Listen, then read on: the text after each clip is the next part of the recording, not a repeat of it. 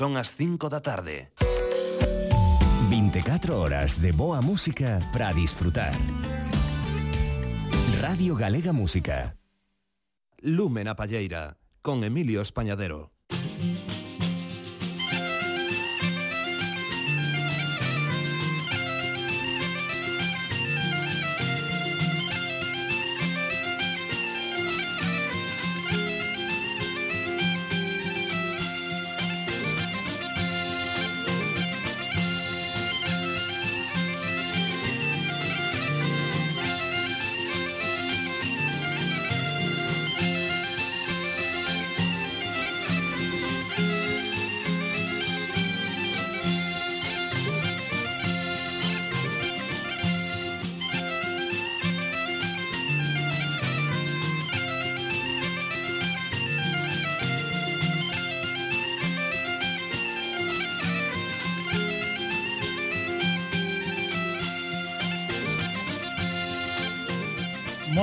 tardes a todas e a todos nesta sintonía de Radio Galega Música e cos saúdos do sempre excepcional e grande profesional Nacho Besteiro acompañado por Bruno Area no control técnico. E os temos aos dous.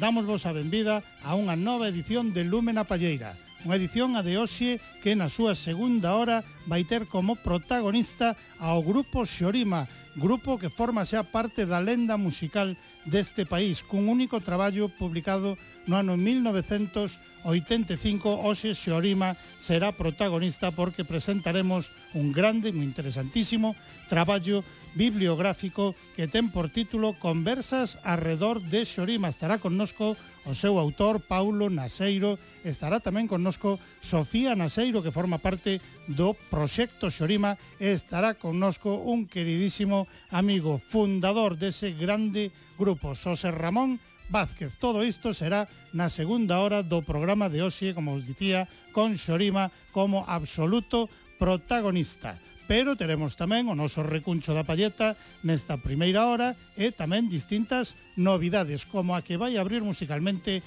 hoxe Lume na Palleira imos escoitar unha das 16 pezas incluídas nun traballo colectivo que ten por título A Canteira. Aí aparece a nova xeración de violinistas folk formados dentro da Asociación Galicia Fidel, 16 pezas nas que atopamos as solistas entre 13 e 24 anos, acompañados nalgúnas pezas e contando cos arranxos e o apoio de algúns dos seus mestres, Anxo Pintos, Begoña Riobó, Alfonso Franco e Felipe Rodicio. Están tamén participando nese A Canteira, do que agora imos escoitar a interpretación que nos ofrece da tradicional xota da guía, unha peza do repertorio dos irmáns Portela, unha violinista solista, Sara López, acompañada por Alfonso Franco co violín e Hugo Franco coa guitarra dentro dese disco A Canteira que próximamente presentaremos tamén en Lumen a Palleira. Aquí tedes a Xiota da Guía, aquí tedes a Sara López.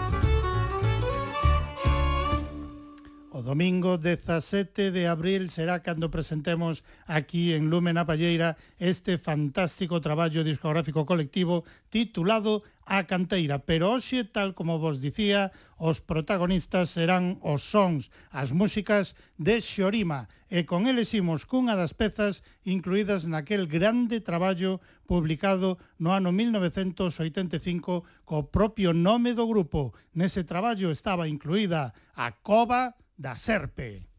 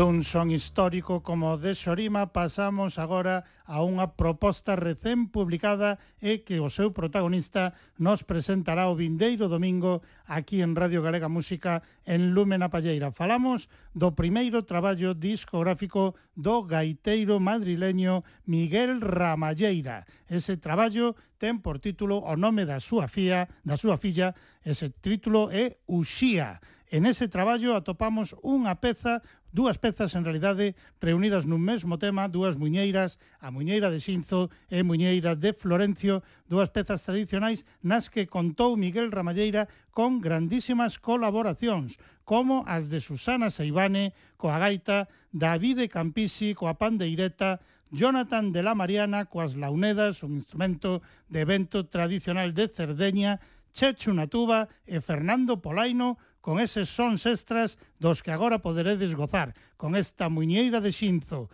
e Florencio que nos ofrece Ramalleira.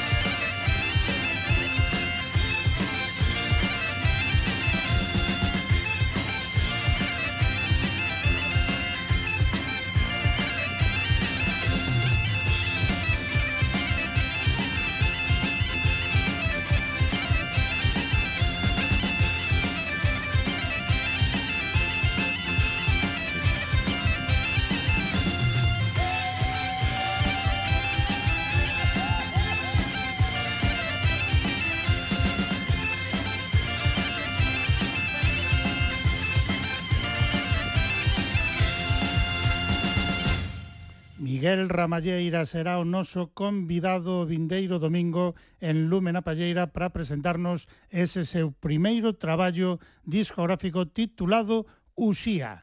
Pero agora nós imos cun proxecto de fusión que vos queremos ofrecer. A fusión entre o traballo a proposta de Alejandro Guillán con Bayuca e a colaboración de Carlos Núñez unha peza que xa tedes disponible que podedes gozar a través das redes sociais co seu vídeo na rede YouTube. Podedes escoitar este solsticio no que se reúnen Bayuca e Carlos Núñez.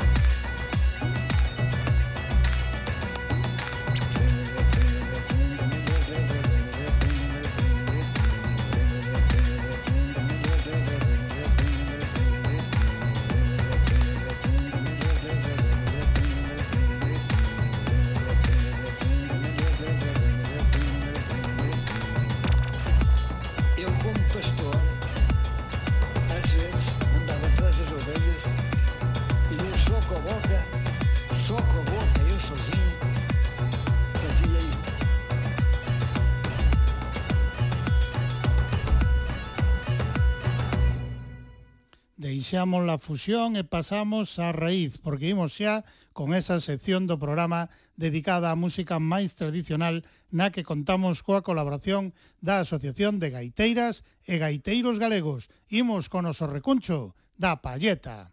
Música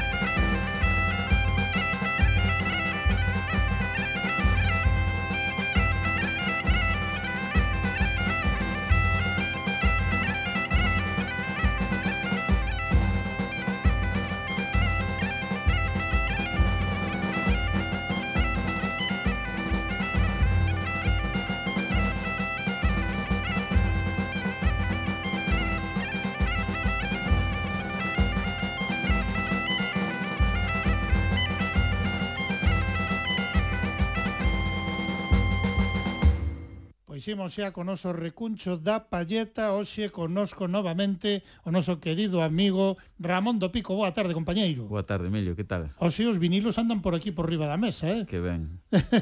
sí, sí, hai Porque que... eu teño por aquí ese vinilo histórico de Xorima, pero ti traes outro vinilo. Eu traigo outro, sí. Tamén histórico, con sons moi histórico, non? Sí, sigo ca serie que comecei esta tempada de traer vinilos antigos ou grabacións antigas.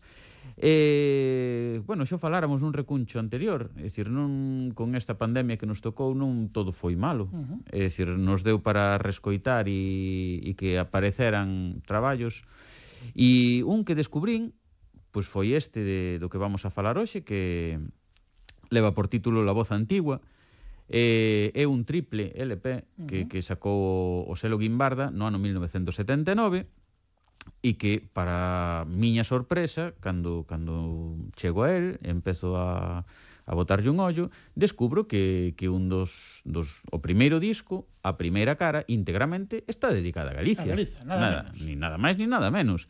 Entón, eso, temos que pensar que, que estamos falando de, de finais dos anos 70, Eh, o selo Guimbarda acaba de aparecer, o selo Guimbarda adicábase sobre todo a mm, redición de, de discos do, do fol europeo, Alan Stivell, John Rainbow, mm, toda esa, antes de que empezara a producir os, os seus propios discos, que eran sí, de la banda, eh, eses discos, non? Uh -huh. eh, pois un ano despois de que o selo comeza a andar, sacan este esta maravilla porque eu É algo que sempre verdadeiramente facer tamén compilatorios de grupos sí, que sorprendían moito. Sí, eh. eh? Eh, pero este este disco a verdade que que unha sorpresa porque eu mm, teño que, que, que confesar que descoñecía que, uh -huh. que existía este traballo. Entón, eh, bueno, buscando un pouco a topeino, eh, e vin que tiña moitísima, moitísima información. Entón, eh, hai, hai tres nomes fundamentais neste traballo que creo que son son de, de merecida de, que hai que nomealos, que un é o Manuel Domínguez, que foi o propio fundador de, de Guimbarda, uh -huh. pero eh, que temos detrás deste este proxecto que ten que ter ou tivo que ter unha produción grandísima. Eh, temos por un lado Alberto Gambino, Nada que era tamén, un, un bo coñecedor da música galega, un, un cantautor de digamos protesta, non podemos enfocalo uh -huh. en esa en ese momento Podemos e, lembrarnos de Claudina e Alberto e, claro, Gambino. Efectivamente, Claudina e Alberto Gambino e outro eh, Manolo Garrido Palacios, uh -huh. que igual por ese nome non nos sona moito, pero foi o responsable daquel programa de televisión española Raíces. Sí. Entonces, estas son as tres personas que ni máis ni menos teñen este ou montan este proxecto, é dicir, Gambino Poñen parece ser que, que que propón a este proxecto para poselo, e, e van aparecendo historias a través do programa Raíces, uh -huh. eso, Manolo Garrido ten claro o, a xente que vai que quere meter. Bueno, non sei, é unha aventura, como todos os vinilos, temos a sorte de que ten moitísima información, temos aquí o libreto, que é como un medio diario de campo que tamén o conseguín, que é unha maravilla porque nos van contando cal, como, como van seleccionando, como chegan os sitios e, bueno, un, un montón de, de cousas. E eso, é como digo, o primeiro LP adicado a Galicia, cal é a miña sorpresa cando eh, consigo o CD ou o LP, empeza a mirar que é o primeiro que nos atop... Bueno, entre varias cousas, os campaneiros, os campaneiros de Vila García. De García os campaneiros de Vila García. Ei. Outra gran curiosidade, decir, ucha, wow, os campaneiros, ah, que ben, bueno, vamos a poñer os campaneiros. E descubro que non é a grabación dos campaneiros. É dicir, uh -huh. son grabacións, os tres LPs, son grabacións feitas es proceso para este traballo. Uh -huh. É dicir, que non é decir, bueno, pois pues, collamos as grabacións de Belter de, no, no, no. de dos campaneiros. Non, non, non. É a, son grabacións eh, es proceso para, para, para este traballo. Ademais, no, nos van contando no, no este medio diario que, que fai Alberto Gambino, que como como chegan desde Madrid, como chegan a Vila García, resulta que na primeira toma de contacto Ramón o Campaneiro está enfermo, teñen que ir a, para outro lugar, volven unha semana despois, bueno, tivo que ser un auténtico odisea, é dicir, a, a produción deste traballo tivo que ser un auténtico odisea. Entón, eu creo que podíamos pegarlle unha, unha escoitada esta... Podemos comenzar con eles, non? Con, con esta, campaneiros. Con esta muiñeira de, de Vilanova. Nova eh, para ver como, como sonaban xa eso, estamos falando dos finais dos, dos 70, é dicir, uh -huh. 78 o disco está editado no 79, pero bueno as grabacións foron feitas así nesa, nesa época e, e ver a, a frescura que teñen tal, entón hai que dicir que aquí están si, a tantos irmáns Baliña e, e a percusión está eh, Celestino e, e máis José. E José. É dicir, este o, o cuarteto, os campaneiros, vamos a decir, potentes que uh -huh. se recordan o que todos temos na tal e aquí está esta esta grabación desta muñeira. Pois veña, ano 1979, mm. primeira mostra hoxe aquí en Lume na Palleira, no recuncho da Palleta, dese traballo La voz antigua publicada polo selo Guimbarda e aí estaban os campaneiros.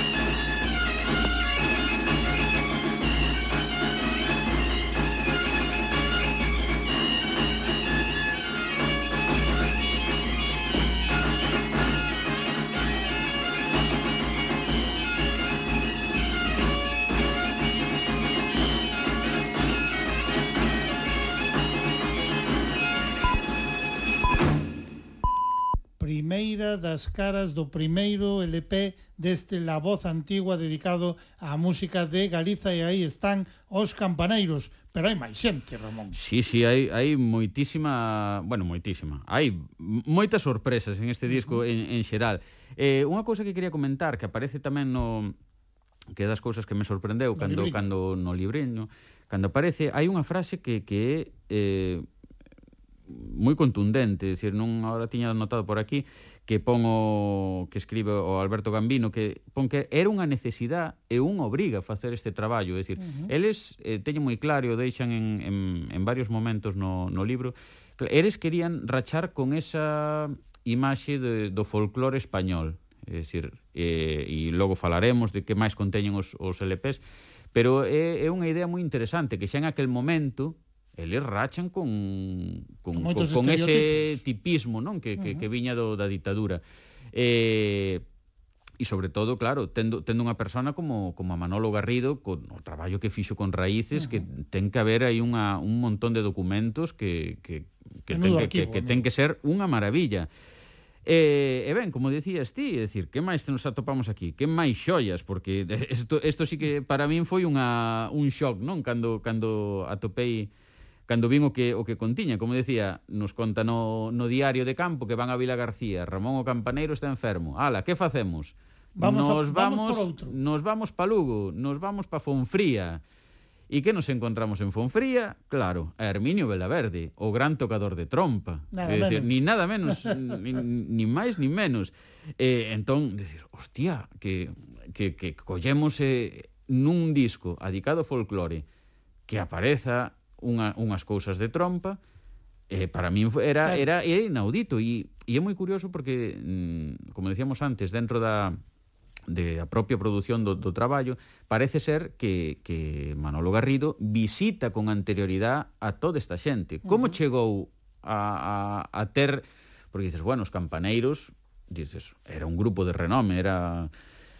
Pero Herminio Vilaverde, claro. en Fonfría, nun que no, xa van dicindo que lles leva non sei cantos días chegar a Lugo, chegar a lá, botan unha semana, os invitan ás festas, os invitan a comer, e tal e aparecen unhas grabacións maravillosas de, de, deste de home ca, ca trompa, a mí me deixaron eh, completamente no, noqueado, dixe, eh, Dios, pero como, como pode, é dicir, como pode aparecer isto? E, e que, que no país que non sepamos de, claro. de desta maravilla que está que non teña máis zona isto, que, sí, non? sí, realmente que non, porque moitas veces incluso eso mismo da, da xente que estamos que nos gusta a trompa, que nos gusta o birimbao, que sempre andas aí, oi, unhas grabacións de Herminio, tal, que hai contadas, eh, uh -huh. e catro cousiñas, mesmo eso do programa non me lembro si exactamente de raíces, bueno, hai un programa de televisión española que aparece el, tal, pero son moi moi contadas e de repente aparecen isto que son creo que hai hai tres cortes del decir, pois son unha, unha xoia porque además se escoita moi ben, é dicir, uh -huh. o traballo está feito con, con moita calidad, é un estudio un equipo valenciano que se dedicaba a facer grabacións de, de bandas de música xa en aquel momento. Uh -huh. entonces todo eso parece que era o que podera ser un estudio móvil en aquel momento, non? Sí. Eh, e que chegan ali, que chegan a Fonfría e graban o, o grande Herminio Vilaverde e hoxe 40 anos despois, ou 40 e pico anos despois, o podemos estar escoitando, pois para min foi a, a verdade que foi unha, unha auténtica maravilla e foi da, do, deses descubrimentos que dices, jolín, Donde pois, estaba isto? Imos cunha primeira mostra sí, sí, desa sí. maravilla Herminio Vilaverde coa trompa. Imos primeiro cunha jota. Veña. Pareceche. Metemos as veña, adiante.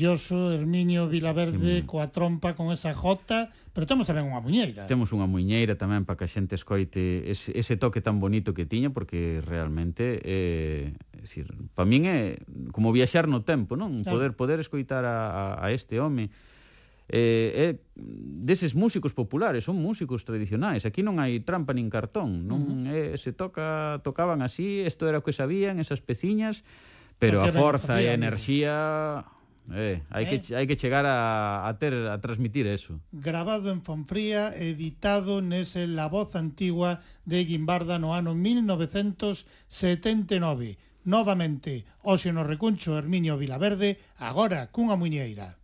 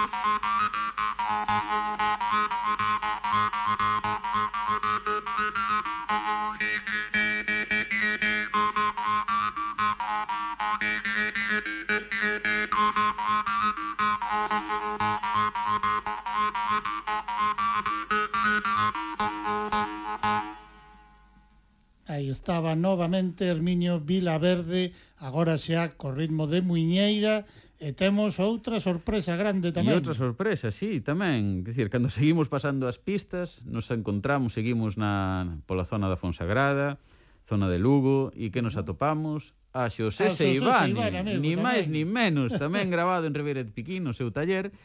E, e aquí, aí nos aparece eh, esta grabación de dunha peza Eh, a mí me sorprende na, nas, na, nos comentarios do libriño que, que según o, o que dice Ivane, o que lles dice Ivane, que a, a, o que vamos a escoitar ahora é cunha gaita do século XVI. Uh -huh.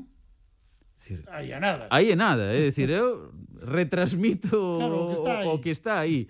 A sorpresa é, é grande, pero bueno, xa a sorpresa foi atopar a, a Xosé Saibane dentro de, deste traballo. É dicir, eh, como decía antes, eles nos van contando como, como chegan os sitios. De feito, como eh, incluso un da, unha, mm, creo recordar que das primeiras grabacións eh, arrancan dende Valencia a, a Huelva, creo, a Losno. E dai é, é o, o propio Manolo Garrido e como el mismo acaba facendo na, na grabación, aparecendo tal.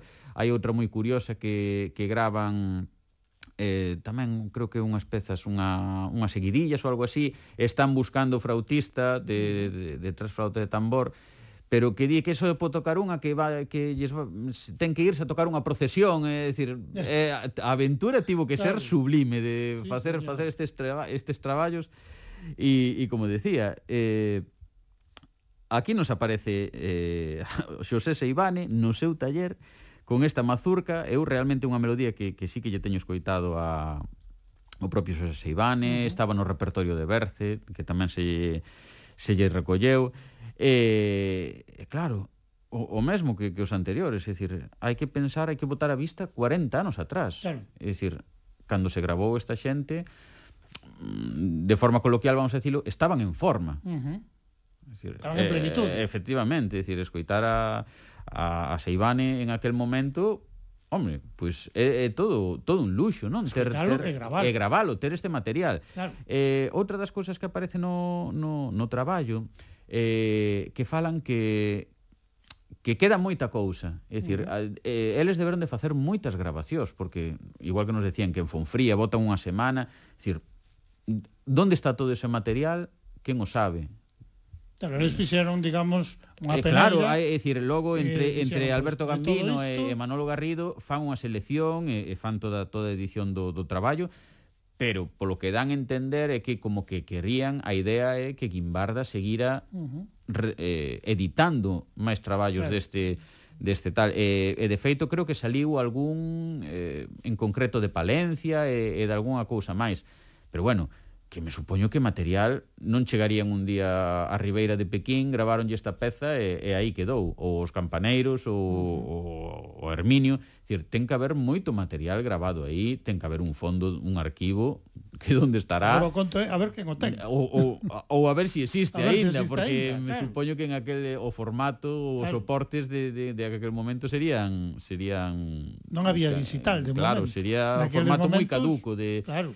Entonces, Cintas. pero bueno, que a idea, polo que, polo que nos din é que o deixan entender que isto iba a ser que iba a seguir. Claro. Entonces non non tal. Unha das cousas que me lembrei agora que non comentamos, isto estamos falando do ano 79. É un ano antes de que salga esa magna antoloxía do, do profesor García Matos, eh, uh -huh. que, que pouco revolucionou, non? Sí. O, ca idea que, que decíamos antes, de romper ese tipismo eh, que viña do, do franquismo da, de España, ese folclore que, que intentaban vender. Es decir, isto é todo contrario, demostran que que aquí hai un, un montón de, de cousas, unha riqueza etnográfica variedade... brutal, non claro. só aquí no país, é dicir, en toda a península.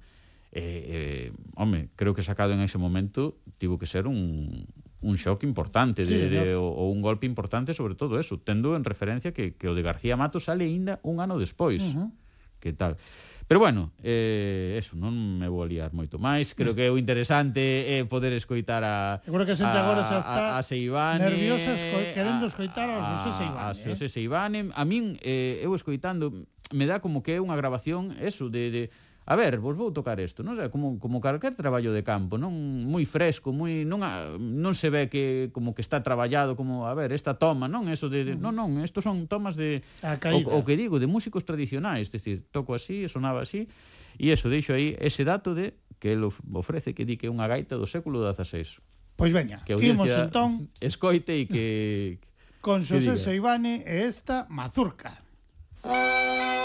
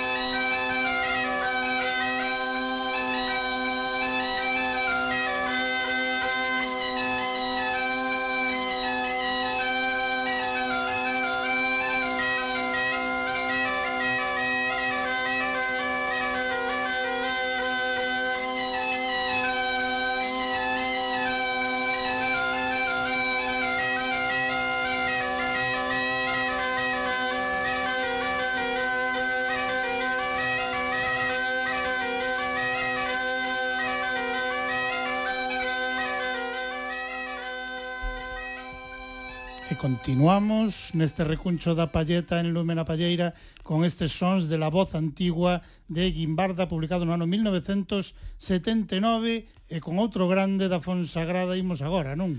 Efectivamente, seguimos con sorpresas. Esta xa é a última, eh? xa de que non é pouco, é dicir, para meter nunha cara amigo. dun LP xa levamos os campaneiros, o Herminio, Xosé Seivane, E o, o que nos faltaría o neste, tamén queridísimo Emilio, Emilio Dopando. Emilio Dopando, que tamén un pouco foi o, o cabecilla ou armadanzas de que eh, de que esta xente chegara a Fonfría e me supoño que a Ivane, non o especifican, uh -huh. pero bueno, coñecendo como era Emilio e esa capacidade que tiña Seguro para... Seguro que foi levando para aquí e para ali. Sí, para palialos, pois pues, aparece aparece tamén Emilio Dopando tocando tocando unha muñeira ca trompa, unha muñeira moi coñecida que sempre sempre tocaba el Eh, quería facer mención ao resto de LPs que aparecen que aparecen aquí, porque dicir, nos estamos centrando na música do país, que, que me parece moi importante o a representación que eh, bueno, sí que faría un tirón de orellas, non hai música vocal.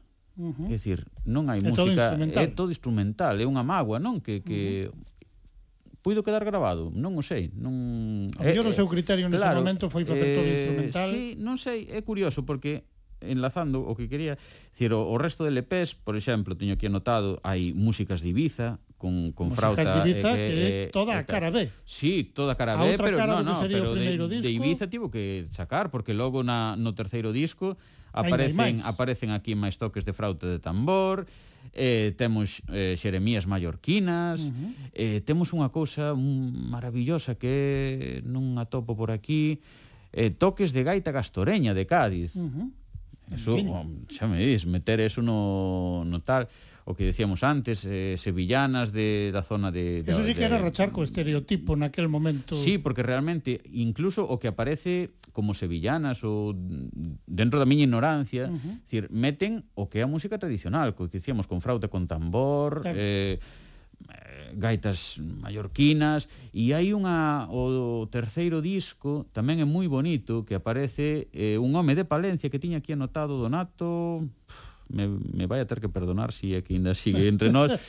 pero é unha maravilla tocando Ravel uh -huh. e, e tocando as percusións. Eu creo que que mm, vamos a ter que facerlle un un recuncho, un, un recuncho ao resto de de de propostas, de, ¿no? de propostas que que hai neste disco porque eso un, a, a, a xente que nos gusta a música tradicional, non solo non solo a, a galega, aquí hai un material eh, maravilloso de eses toques de Ravel, son unha pasada e, e este home cantando por riba eh, e hai cousas moi duras tamén. Claro. Decir, duras a eso, que decíamos, volvo ca idea de vamos a rachar con ese estereotipo que, que nos intentaban vender ou que ou que venderon durante durante, durante moito tempo. Uh -huh.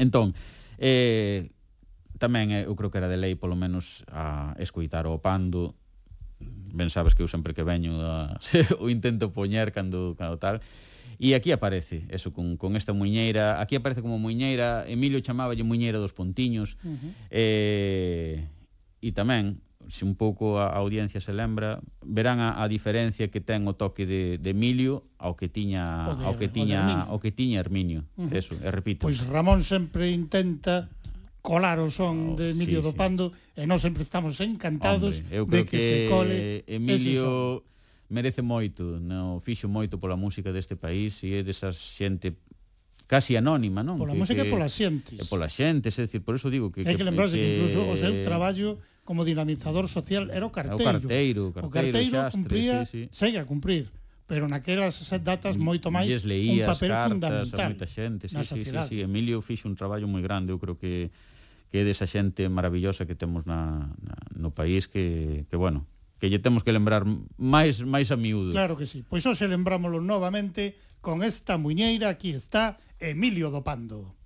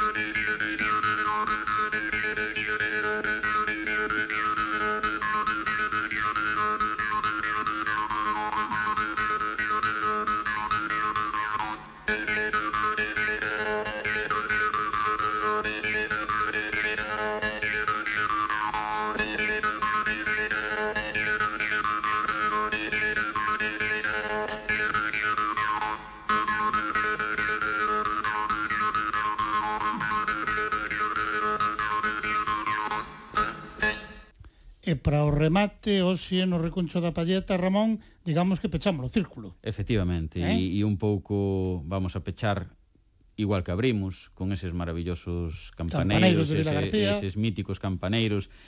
Eh, escollín un dos seus clásicos, unha das súas polcas, eu creo que non podían faltar de, sí, señor. de xa como representación. Eh, hai que dicir que eh, de todas estas pezas que puxemos, penso que, que queda un corte fora solo, un corte tamén dos campaneiros, outra, outra muñeira e, e un vals, eh, pero sí, quería rematar con, ca muñeira, ca, cunha das polcas, e sobre todo, o, o, voltar ao principio, é dicir, é unha grabación en aquel momento, xa non é a polca que todos coñecemos ou que está na, nese disco de Belter ou tal, Non, non, son os campaneiros en estado puro, uh -huh. de aquí non hai estudio, non hai nada, o que podía ser sonar en en aquel momento.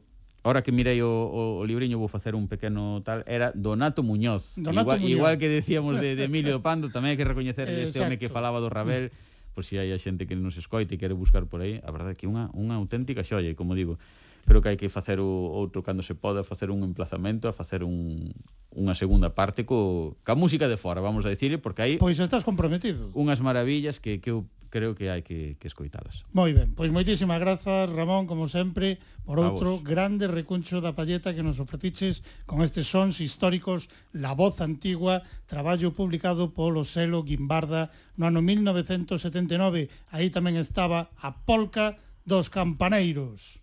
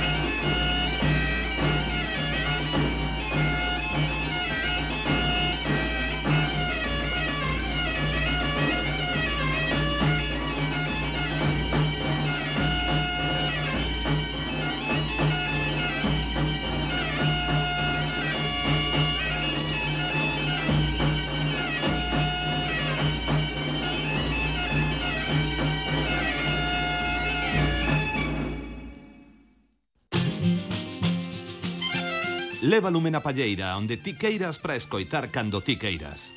Busca os arquivos de Radio Galega Música en www.crtvg.es e garda os programas no teu reproductor de audio. Radio Galega Música enlatada cos seus podcast. 6 menos 5 da tarde imos adiantar un pouquiño a presentación do traballo que hoxe vai ser protagonista da segunda hora porque creo que ben o merece. Imos xa coa música de Xorima.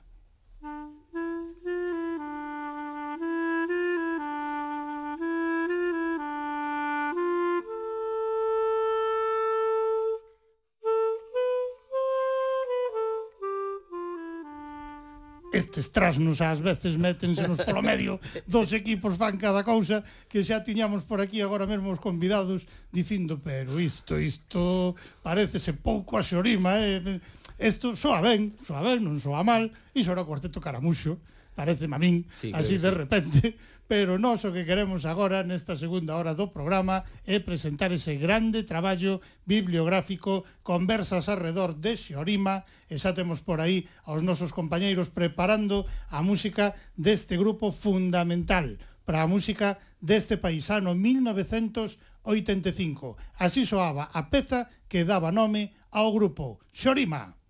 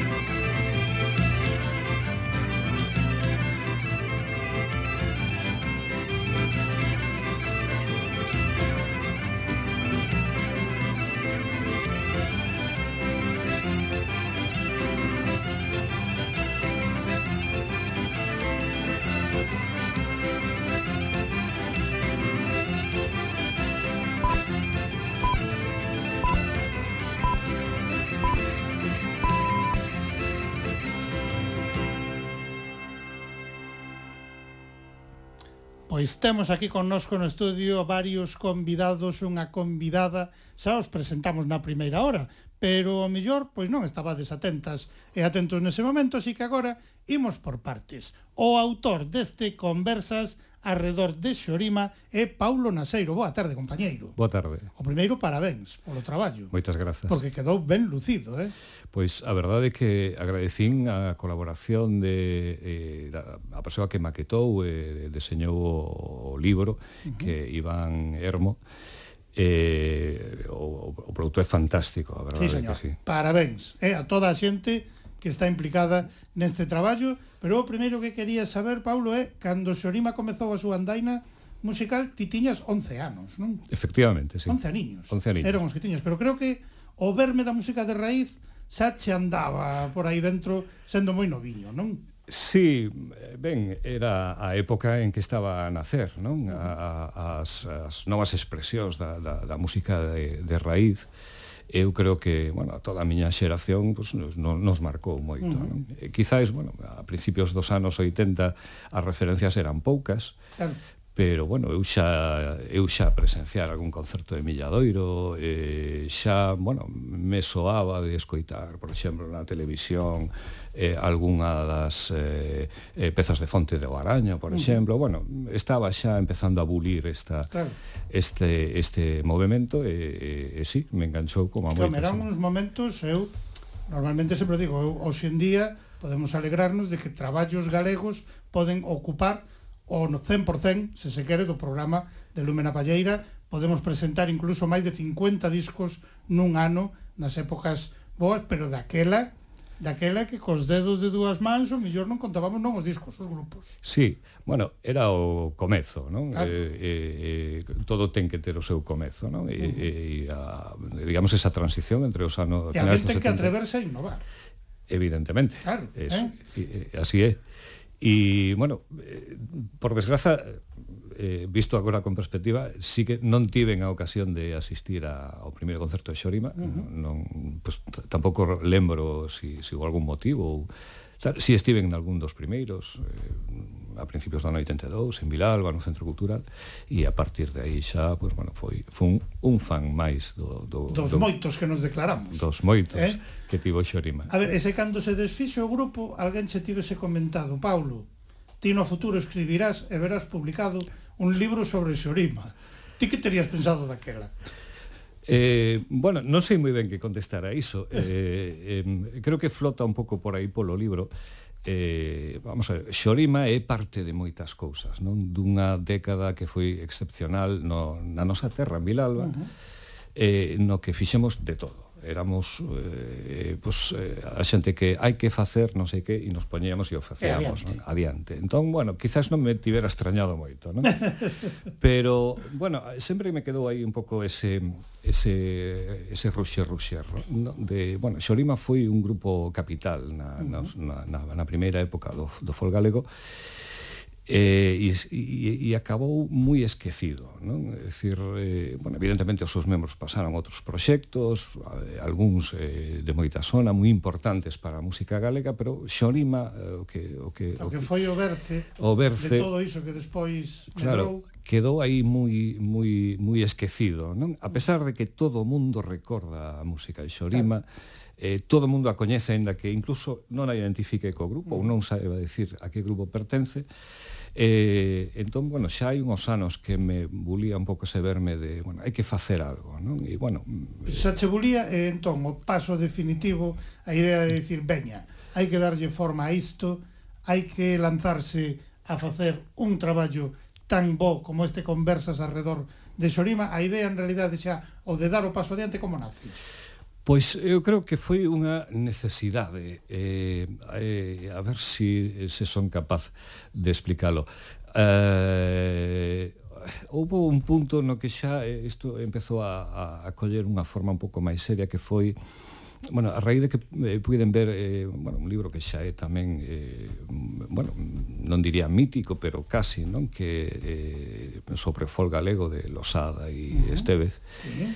que non cita a Xorima eh, non hai nin sequera unha mínima referencia. A mí me pareceu que aquilo non, non reflectía realmente o que foron os anos 80 eh, de, da música de raíz, non? E dixen, bueno, isto hai que subsanalo. Eu creo que Xónima hai que, bueno, elaborar, es un produto editorial que, bueno, que quede aí, que perdure e, bueno, que nos conte un pouco a historia do grupo, non?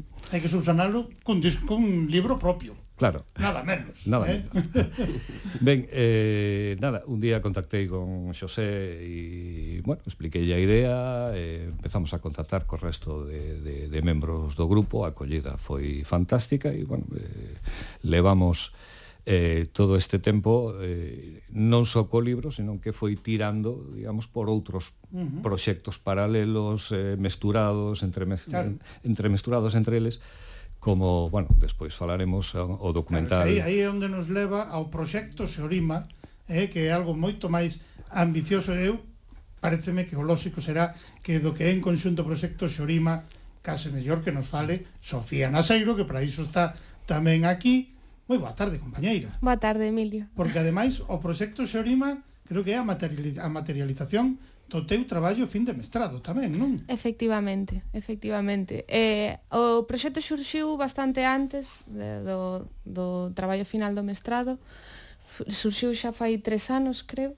Uh -huh. eh, coa idea de, bueno, un libro está moi ben, pero eu que teño coñecementos, que teño formación de comunicación audiovisual, pois, eh, bueno, subíme un carro deste proxecto pensando, bueno, podemos facer tamén un documental, que eso estaría uh -huh. moi ben. Eu eh, xa dirixen un, un documental e este sería o meu segundo traballo, non? Pero chegado o momento eh, xa foi dunha maneira moi orgánica. Dimosnos de conta de que realmente isto estaba mm, mm, trascendendo un libro e un documental, que empezaba a surxir a idea dunha páxina web, dun traballo en redes sociais máis alá da, da, da simple divulgación do, do, do, do proxecto, dixemos, isto é un proxecto transmedia. Que quere decir? que é unha historia narrada a través de diferentes medios e plataformas, pero que se entrelazan e dialogan entre sí dunha maneira que, bueno, que eu creo que é moi bonita. Todas conforman o proxecto Xorima, Exacto. pero cada unha tamén ten presencia e personalidade propia. Efectivamente, ¿no? esa é a definición de pois, libro. Pois parabéns por ese grande traballo. Eu agora gustaríame falar de ti, porque no teu caso, o culpable da túa paixón por Galiza, pola súa música, e máis concretamente pola música de Xorima, eu creo que está claro quen foi. Sí, non, creo que e, sí. E non anda moi longe. Non, e non anda moi longe. Non anda moi longe. Sí. Está xusto ao teu lado, ao teu carón, sí. e teu pai. Eh, eu creo que el foi facendo un traballo así, paseniño, paseniño, ou foi así imposto totalmente, como foi? No, no, para nada. Eh, precisamente teño que recoñecer que Xorima é parte da banda sonora da miña infancia, non? Uh -huh. Desde moi pequeniña na casa había libros, se había discos, se había vinilos, se había, bueno, cultura por todas partes. Uh -huh. E sobre todo moitísima cultura galega e moita música de raíz tradicional, desde Fuxan os Ventos, Milladoiro e Xorima, por claro, suposto. non? Pero na casa eu creo que Paulo era dos que o disco de Xorima puñao bastantes veces. Entón, iso que iras sí. que non, pois sempre vai entrando, inda que sexa no subconsciente, vais implantando aí esa raíz. Entón, aí estaba Sorima. Temos que comentar deste traballo que a puntuación recibida de fin de mestrado foi a máis alta posible e cos parabéns do xurado. Para ti sería toda unha satisfacción pero a. Paulo debeulle caer a baba. Eh? Como lle quedou a cara cando lle dixeche como fora o resultado final, a ver. Bueno, que contel, no, pero foi unha, ver, Paulo, unha alegría. De que eu, Como che quedou o corpo? Non, non podo decir outra cousa que, que, que estou orgullosísimo de, de, de, de Sofía eh, a verdade é que fixo uns estudos magníficos con notas eh, sobresaíntes eh, en todo momento e a do traballo de fin eh, de, de, de mestrado, mestrado eh, foi, bueno, como dixa a máis alta. Que podo dicir, non? Que, que, que máis se pode que esperar. Que máis se pode eh? esperar, sí, sí.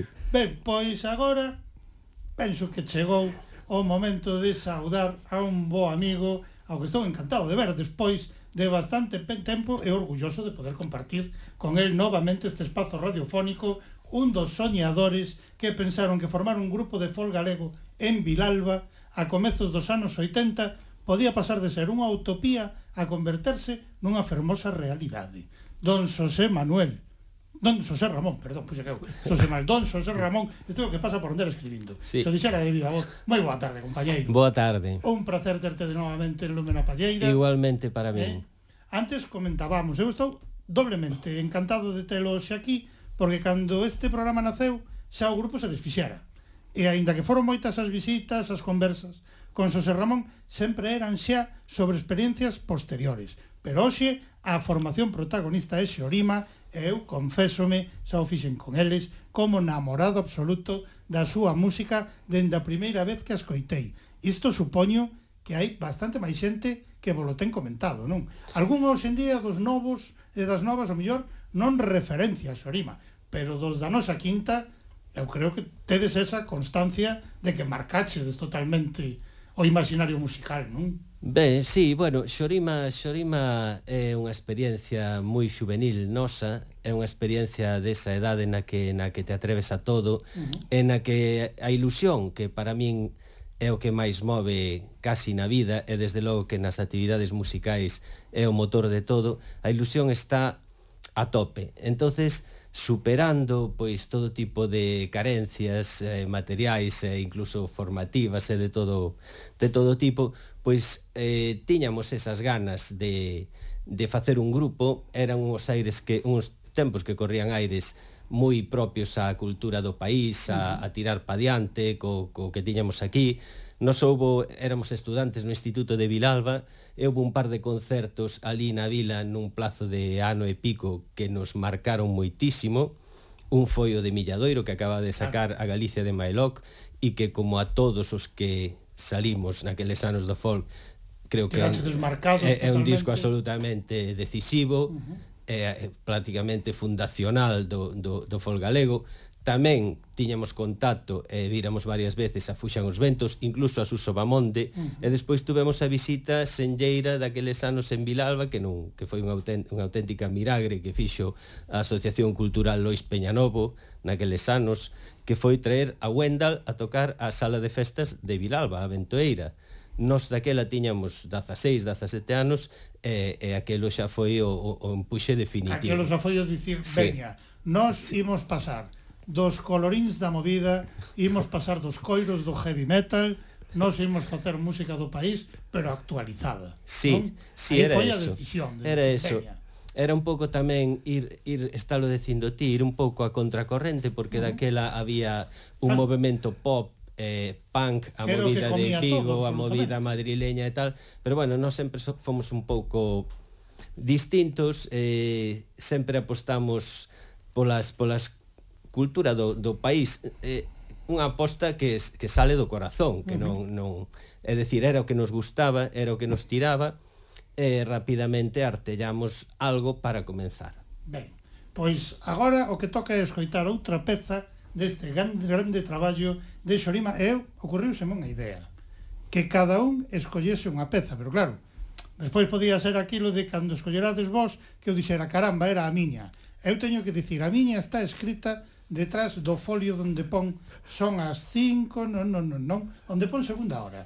Onde pon segunda hora e pon xorima, aí detrás está escrita a peza que eu escollo.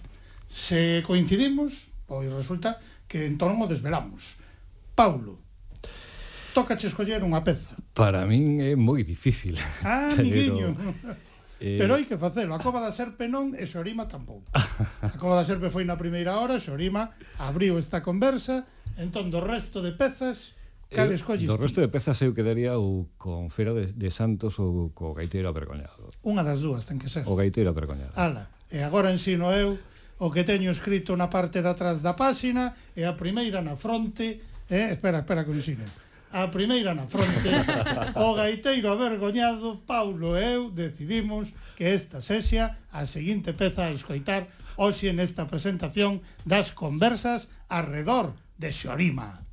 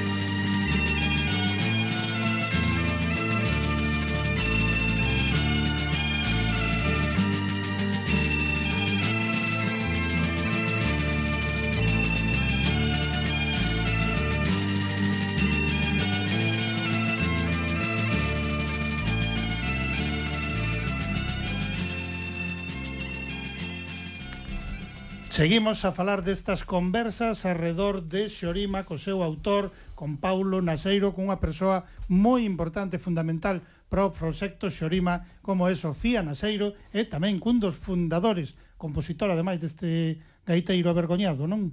Xosé Ramón. Sí, sí, creo que foi a primeira primeira, primeira ou segunda, segunda peza, peza que, que fixen. Que te animaches así Ainda decir, que, ben. bueno, en Xorima había había unha composición de temas moi moi colectiva, colectiva eh, casi todos os temas eh, teñen partes de un, de outro, é dicir, era... era digamos un grupo... que os asinabades ademais como grupo, non? Sí, sí, porque realmente era unha cousa moi moi colectiva e moi moi entusiasta. Pois pues mira, Paulo e eu coincidimos nese gaiteiro avergoñado despois queda vos a responsabilidade a ti e a Sofía de escoller cales serán as seguintes pezas pero algo que quería comentar contigo é que moito cambiaron as cousas nestas décadas pero para min unha boa parte da responsabilidade non suficientemente recoñecida a posteriori por cousas como as que comentaba Pablo foi de Xorima.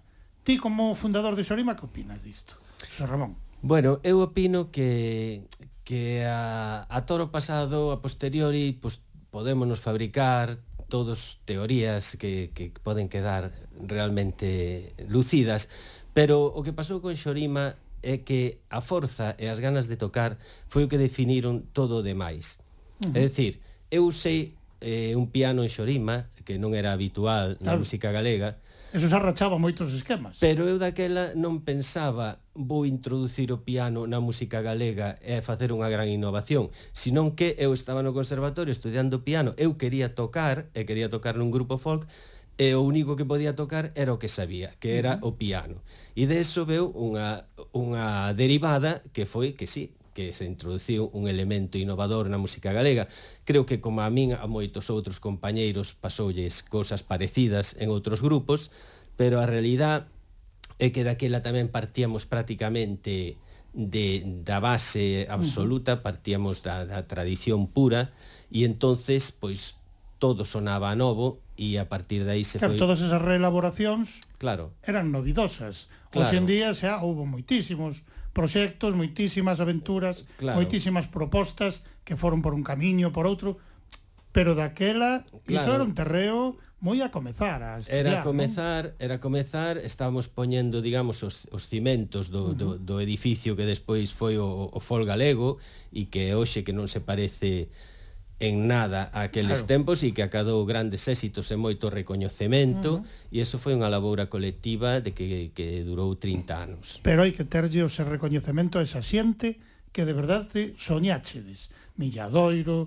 vos, Titania, na Lúa, a xente que vos estabades a mover naquel momento, de dicir, veña, imos actualizar a raíz musical deste país, hai que tervos ese recoñecemento, porque ademais despois non foi dicir, va, que Xorima desaparece eh, vale, pois desapareceu e xa está. Non, non, é que foi semente de proxectos ben importantes para a música deste país, non? Sí, claro, eh, eso sole pasar que, que nos grupos, bueno, algunha xente pois vai collendo outros camiños profesionais, vitais, pero normalmente a xente que, que continúa, pois uh -huh. bueno, vai desarrollando, vai, digamos, subindo chanzos que, que dan lugar a outras novas aventuras musicais e, e a outros novos proxectos, sí. Uh -huh.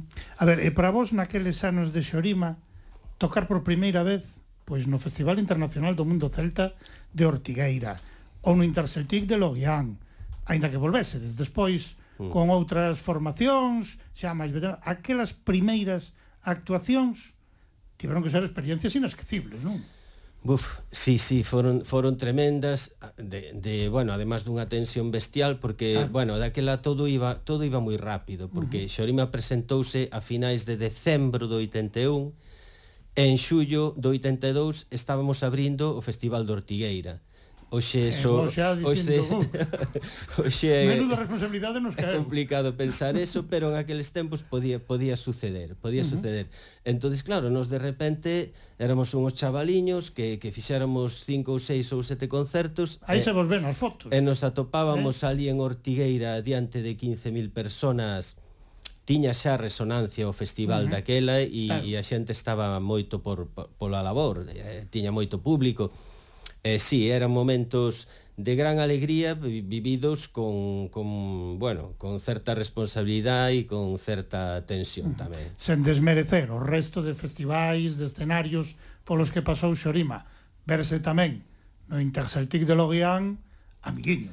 Sí, bueno, tamén eran unhas palabras maiores, eh? Sí. Dicir, aí vai Xorima a Loguián. Naqueles anos, naqueles anos pois eran, bueno, non eran os, non os fomos dos primeiros porque houve xente xa que foi con, con anterioridade a nós, pero bueno, éramos, nos sentíamos un pouco tamén embaixadores de, mm. de Galiza en canto a que representábamos ao noso país eh, e tiñamos eh, moita preocupación de intentar quedar o mellor posible. Mellor posible, deixar o listón ben alto. Claro, non? daquela música folk galega estaba bastante por debaixo do que chegou a estar despois, porque hoxe xa hai artistas galegos que son cabeza de cartel en todo o mundo, afortunadamente, pero a nós nos preocupaba moito eso, chegar e, e deixar deixar quedar ben ao país. Dar o nivel, sí. eh? e que a xente que vos vira dixera, caramba, Sí, Mira o que fan os galegos. Sí, porque Galiza, además daquela, era moi descoñecida. Claro. En, en Lorien moita xente non sabía situar a, Ga uh -huh. a Galiza no mapa. Claro. entonces era, por un lado, tamén unha labor de pedagogía, de establecer... Bueno, nós tamén tiñamos moita ansia por establecer contactos e amistades que, que, que sí que as consegui, bueno, que conseguimos ter moitos uh -huh. amigos de outros países celtas, eh, nomea, nomeadamente de Irlanda, de Escocia, claro. de meter a Galicia un pouco no no, circuito, no circuito internacional uh -huh. europeo de de folk. Sí, señor. Sí. Eu quero escoitar máis música de Xorima, así que Sofía vaiche tocar, ti xa xogas con fantasía que xa sabías que che íamos preguntar, a ver, sí. que peza queres que soe agora, así que cal. Pois eu agora mesmo estes días ademais teño unha eh, moi a, men, a miúdo na cabeza porque porque representa personalmente algo importante para min, Caldaloba. Caldaloba. Que bonita tamén, amiguiña. Escollen ben, eh? Bueno, calquera das que escollamos, para min, sinceramente, valería. Pero cada un pois ten o seu gustiño en cada momento. Agora mesmo o gusto para Sofía e Caldaloba.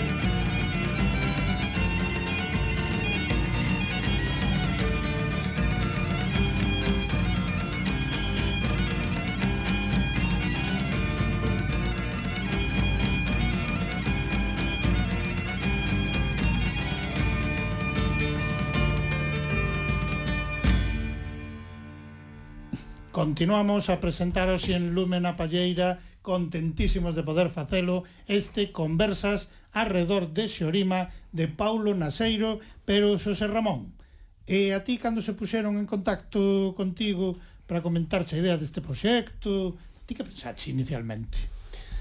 Ben, bueno, xa vos eh, coñecíades? Realmente coñecíamonos... Claro, se non vos coñecerades, ao mellor dicías, Este meteulle moito o licor café. No, no, os, do, os dous somos de Vilalba, xa nos coñecíamos, eu levolle uns anos, pero bueno, coñecémonos de sempre. Eh, bueno, pois eu recibino pois co, con, con moito cariño e como, como un honor que, uh -huh. que alguén quixera facer isto.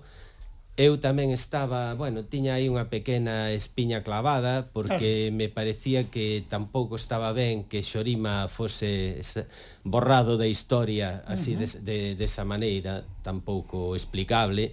E con toda a modestia do mundo nos contribuímos a, a mover o fol galego desde os inicios con moitísimos outros compañeros porque isto foi unha tarefa absolutamente colectiva, pero para min foi unha alegría o proxecto que me contou Paulo, vin que tiña moito cariño eh, por el, tamén o de Alba me pareceu estupendo e sobre todo valeu para recuperar toda unha serie de material que estaba espallado entre nós, fotografías antiguas, incluso entre nós nos movimos algunhas grabacións. Alba está está recuperando arquivo de imaxe, de vídeo, cousas que de outra maneira eh, non se, non se xamais, xuntar. xamais se xuntarían claro. e quedarían aí esquecidas. Entonces, bueno, eu creo que foi un, un traballo excelente que fixeron e, e para nós, en nome do grupo inteiro, pois o noso agradecemento e a nosa ledicia. Algo que teño que aclarar para a audiencia, sí. porque van dicir, talle chamando Alba, eu chamolle Sofía. Ah, e bueno, temos dous sí. nomes. Sí, sí, sí. Eh, sí. é válido. Digamos que como as cousas normalmente asinas como Sofía, Pois eu claro. dixen, vale, sí, pois sí, o máis común será Sofía, pero polo que vexo, Xosé Ramón coñecete máis como Alba. No, é un pequeno fenómeno curioso que sucede que que en Vilalba me en Vilalba chaman Alba, Alba e, en, fora de Vilalba, fora de Vilalba son Sofía. Pois agora sí. mesmo estás en San Marcos, así que toca Sofía, eh? sí, efectivamente. A ver, Paulo e Sofía, eh, pregúntome, nas distintas conversas recollidas no libro atopamos a distintos músicos de Xorima, pero tamén me pareceu importante, tamén atopamos aos managers, non?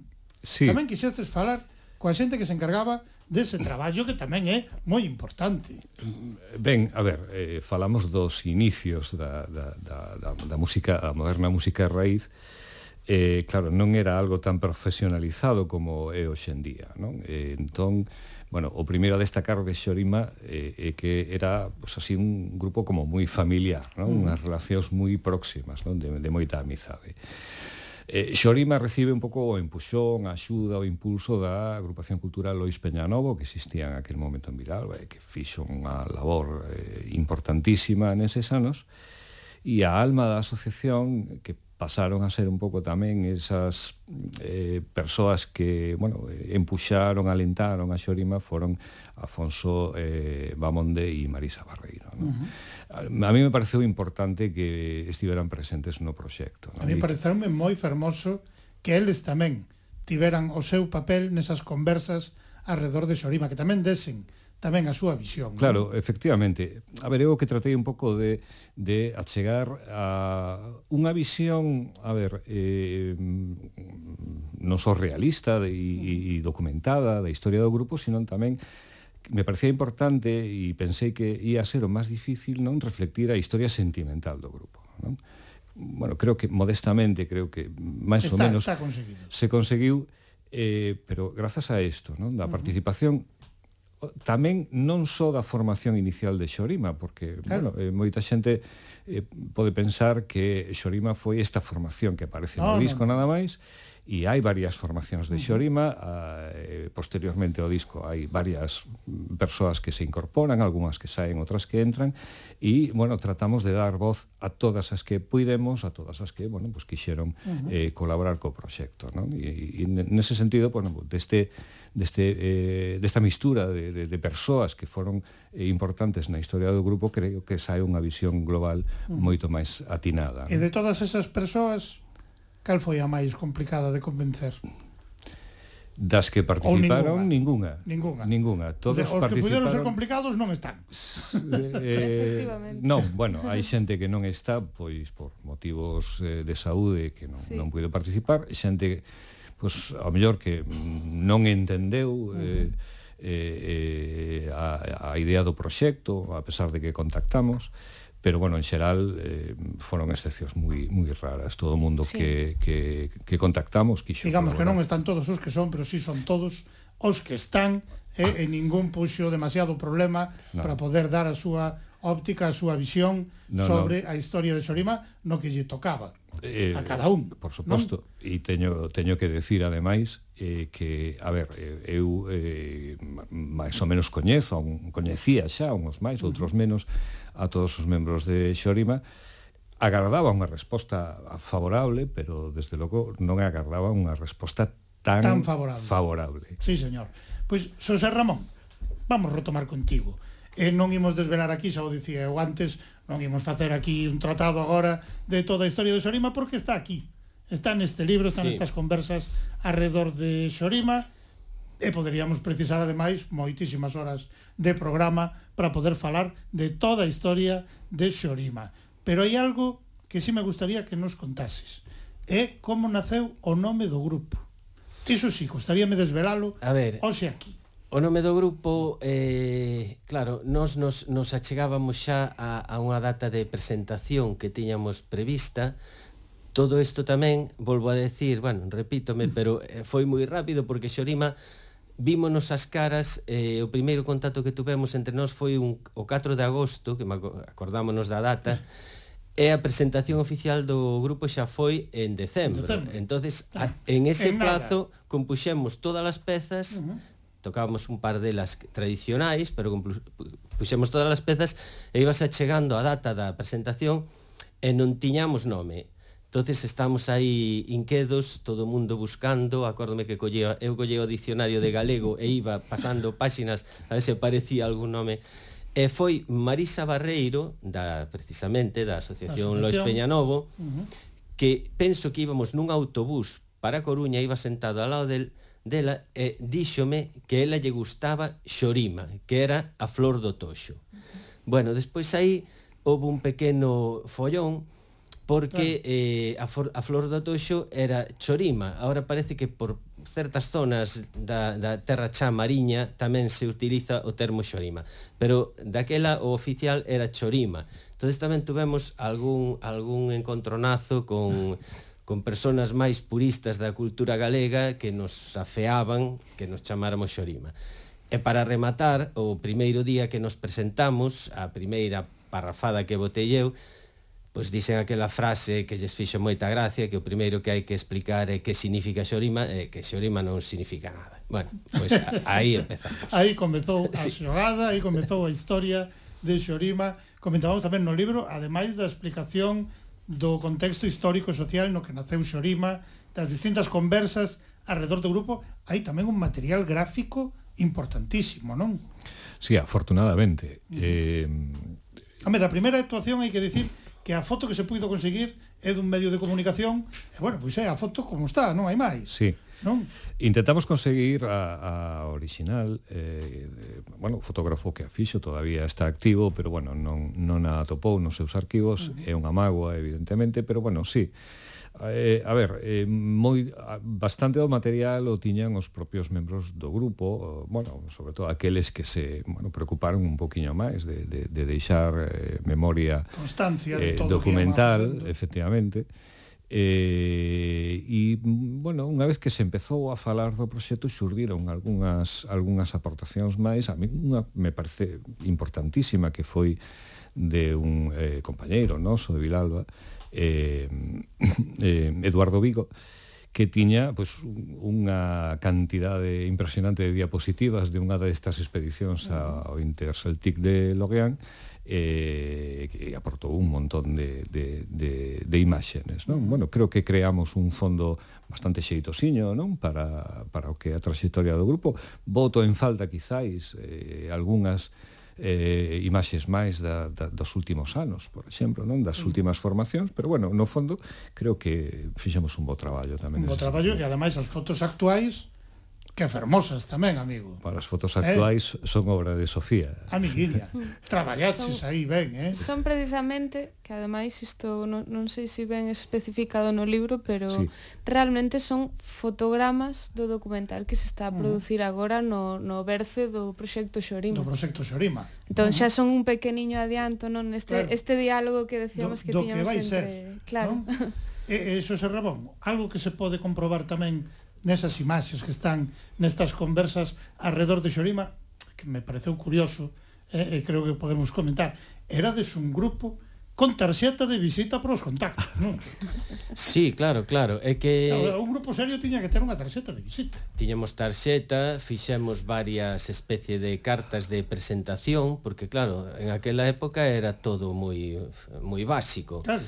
Entonces, para eu... que te puderan chamar para un concerto tiñan que Justo. ter o teu teléfono. Eu eu acórdome que chegamos, eh, casi todos daquela en casi todos os concertos, eso fixémolo porque en casi todos os concertos se achegaba sempre ao rematar tres ou catro personas a pedirnos os datos. Uh -huh. Entonces, bueno, Primeiro foi nunha servilleta dun bar ali cun boli claro. e logo xa nos parecía que lo pouco profesional encargamos nunha imprenta ali da vila que nos fixeran unhas tarxetas e unhas cartas que facíamos, bueno, eh, envíos, sobre todo aos concellos de Galicia, chegamos uh -huh. a facelos en tempos a casi todos, sí. Claro, pois aí está tamén recollida nas imaxes esa tarxeta de visita de Xorima e que mellor tarxeta de visita que a música de Xorima. Bueno, a ti non se teño que poñer a chuleta diante, supoño que xa sabes que peza queres que soe, non? Bueno, pois Non sei, a min gustaríame que sonara Compañeiros porque é unha peza moi sentida para nós Tamén E que hoxe xa que pasaron moitos anos Que moitos amigas e amigos foron quedando por o camiño Pois foi unha peza que fixemos para os que xa non están E que están no noso corazón Pois esa fermosa lembranza, ese son de compañeiros, o son de Xorima. Música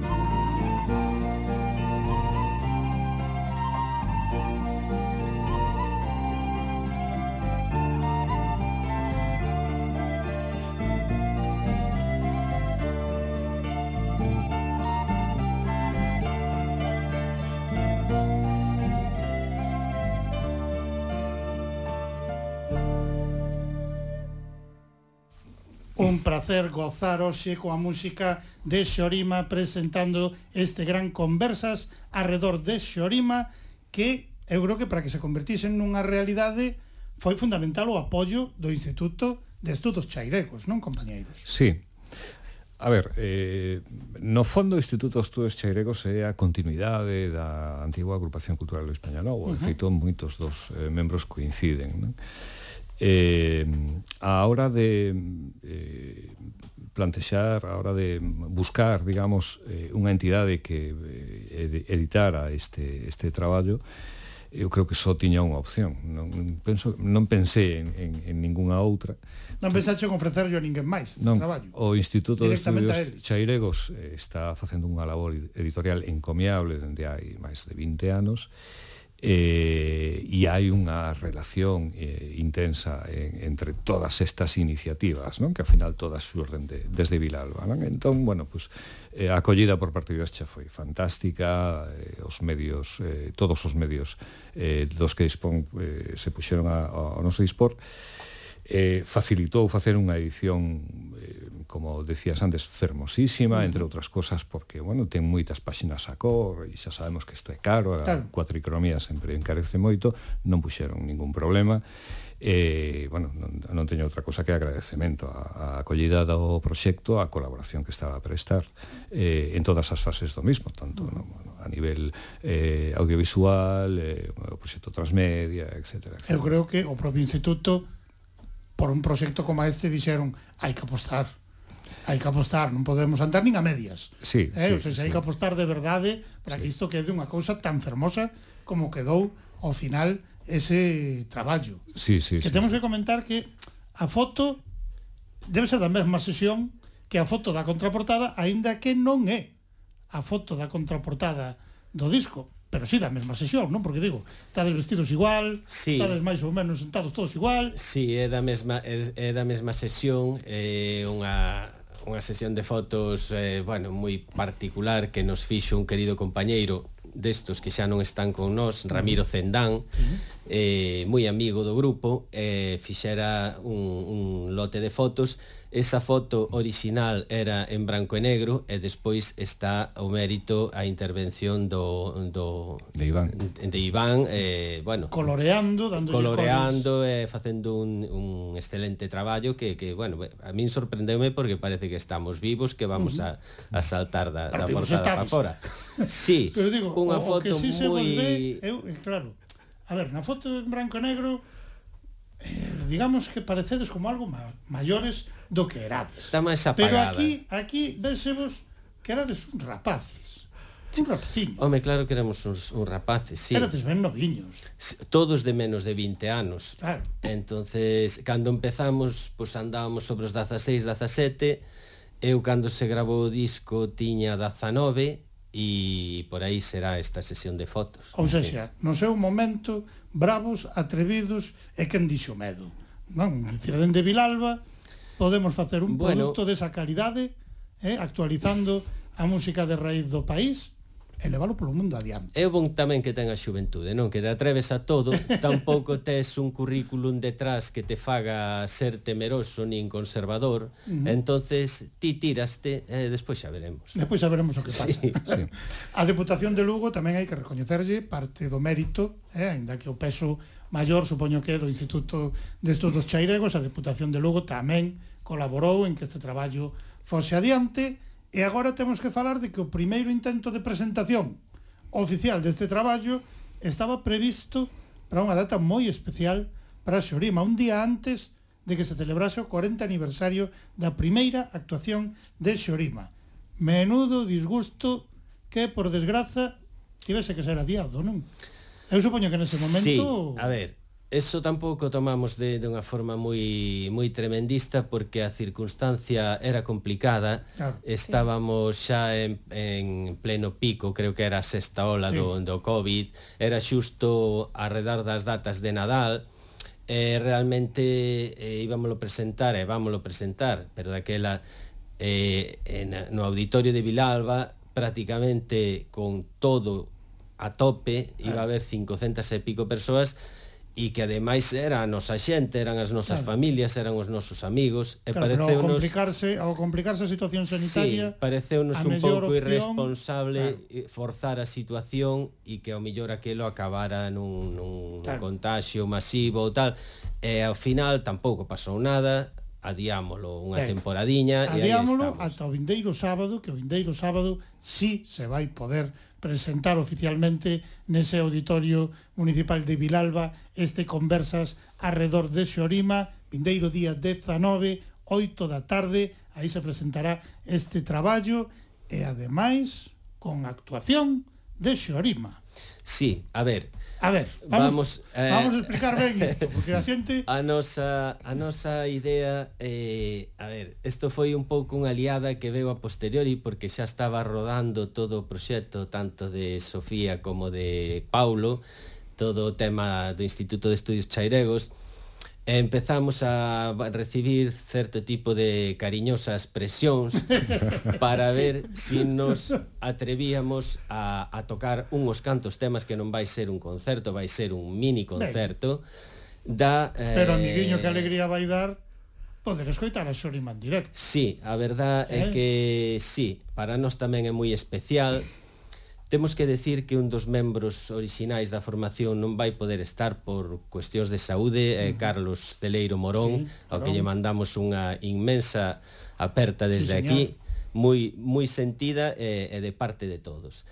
Entón, ao non poder estar Morón, pois decidimos non sustituílo e eh, incorporar a un membro singular da segunda fase de Xorima, da segunda formación, que é o noso querido Quim Fariña, sí, que vai estar tocando o violín, uh -huh. e tamén nos vai estar apoiando un, un home que estaba máis ben dedicado ao rock ali en Vilalba, pero que nos vai botar unha man inestimable, que é Carlos Currás Bové. Entonces, con esa formación, os catro da formación original, Quim Fariña e Bové, vamos a intentar eh, tocar unhas pezas de maneira digna e esperemos que satisfactoria. Reproducir ou actualizar? O son de Xorima. No, vamos a, a ver, vamos vamos a tocar as pezas máis ou menos como eran. Uh -huh. Eu particularmente vou a tocalas todas ao piano e, e a cousa vai a ser así acústica e, e sin máis complicacións. É fermosísima, de seguro actuación, pois ben, dese xeito especial de Xorima. E quero decir que non se nos esqueza que para todos os que non colleron entrada que se vai a poder ver en streaming. Ah, que ben. Ou seña que a poden ver en directo desde a web do Concello de Vilalba. Uh -huh. Ou seña que se alguén quedou con ganas, pois, pues, e no Facebook do proxecto, pois nos pode ver. Iso, iso agardamos. Iso agardamos que, ademais, que tamén se poda... A, ademais, outra cousa interesante é que se vai gravar xa a, de maneira aparte do streaming, vaise gravar cunha produción audiovisual, bueno, complexa uh -huh. para poder incluílo no documental tamén esta data tan sinalada. Ti así tamén aproveitas eh, e metes iso que tamén vai ser histórico. Eh, Efectivamente, eh, claro, claro. Eh?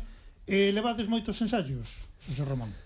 Bueno, levamos eh, levamos meses, levamos meses currando porque bueno, parte do grupo estaba bastante desentrenado, uh -huh. eh, eu estaba bastante activo, pero moito máis volcado nos últimos anos ao acordeón que ao piano. Claro. E entonces houve que poñer, houve que poñerse esas pilas aí un pouco. Uh -huh digamos que os primeiros ensaios xa tuvemos un par de ensaios gordos así de, de día enteiro xa a cousa xa empeza a coller boa cor e agora nos concentraremos o, merco, o, o xoves e o venres que ven os dous días antes do concerto ali en Vilalba para, para preparar o do sábado. Claro, e antes comentabas menudos nervios que tiñamos cando aquela primeira actuación en Ortigueira, menuda responsabilidade a actuación en Logueán, E de nervios para esta, que? Como andamos? Pois pois non andamos mal, porque non, andamos mal, non, non, non, eso que din das bolboretas no estómago xa se empezamos a ter todos, pero bueno, creo que cando ti crees en algo e aprecias algo, sempre que te, tes, tes que ter algo de nervos antes claro, a, antes de facelo, porque claro. si tanto che ten ou non, non che importa nada, pois pues entón non tes nervos. Claro Nos teremos nervos, esperemos que señamos quen de controlalos. Home, eu supoño que xa, digamos, a experiencia tamén para que poidades superalos eh, con nota. Eh, Hai algo eh. que eu quero soltar así, non sei, eh, pero tal como se pode ler sobre Paulo neste libro, as malas linguas din que tocas o tamborín. Digo, ao mellor o vindeiro sábado, ademais de falar do libro, non, non, non. non sería mala idea, non? Non, non, eu sí que... Non, non o pensaches, eu... Decir, se me deixan, subo un momentiño e toco con ese grupo referencial para min, un chisquiño aí co tamboril, non sei, eh, se che deixan un non. Non, estou non. moi desentrenado. Estás moi desentrenado. Hai moitos anos. Tamén que... o estabas o Ser Ramón co piano e a tres. eh, ou seja, bueno, eu deixo aí a cousa a ver se, eh, ao millor resulta que daqui ao sábado hai unha variación, e Paulo collo tamboril, e inda que sexen unha peciña, pois o mellor, deixo aí. E eh, despois xa me contaredes como acaba a cousa. Tedes previsto organizar máis actos de presentación por outros lugares de Galiza ou vos ides limitar a este de Vilalba? Eh, a ver, eh, en principio que nesta presentación eh, finalmente Xorima eh, tomaran a decisión de actuar foi creo que das mellores cousas que nos teñen sucedido últimamente, eh, foi algo impresionante. Eh, e creo que rebaixaría moito o nivel no? seguir facendo presentacións sen esta... Ah, pero entón aí é onde hai que convenceros claro, non, non, ademais, que o traballo de ensayo esas cousas son mellor non se quede aí. No, ademais, ademais hai que decir unha cousa, o libro está prácticamente esgotado. Eh, sempre, Fixemos pola segunda edición. Eh, eh, proba, Probablemente estamos eh, pensando en eh, facelo de, eh, de, de maneira digital uh -huh. Bueno, estamos aí traballando nesa posibilidade. Uh -huh E, bueno, veremos, veremos. Si hai, se hai interese en, en facelo en outros lugares, sí, por suposto, se, mm. se, pode, se podería facer. Non? Se podería Pero... facer e se podería falar con eles.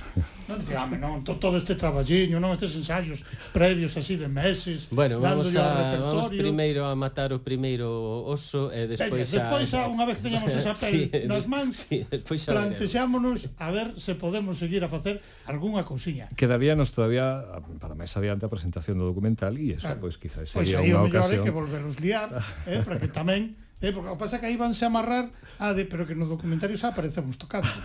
Xa che vou previndo. Para que vayades buscando un argumento que, digamos, eh, rei mata cabalo.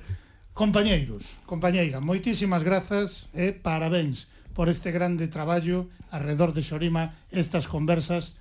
Moitísimas grazas, José Ramón, grazas. a ti e a todos os Xorima eh, polo grande, grande pouso de sentimento que nos deixaron as vosas músicas. Un único traballo discográfico, pero que traballo discográfico. Bueno, eu en nome do grupo dou as grazas a, a todo o mundo e sobre todo dou as grazas a toda esa xente que leva a Xorima dentro do corazón. Sí, señor. Pois no corazón levamos a Xorima e no corazón pechamos musicalmente tal e como vos quixestes pechar o voso traballo discográfico, unindo Unha muñeira e unha giga. Eh? Sí, bueno, isto formaba parte deste proceso de, de, de buscar vencellos con, coa música Cos nacións do norte e eh, dos outros países. Veña, sí. pois entón, tal como remataban o seu disco, rematamos esta conversación, esta presentación, hoxe esta conversa, alrededor de Xorima. Así pechamos, Lúmena Palleira.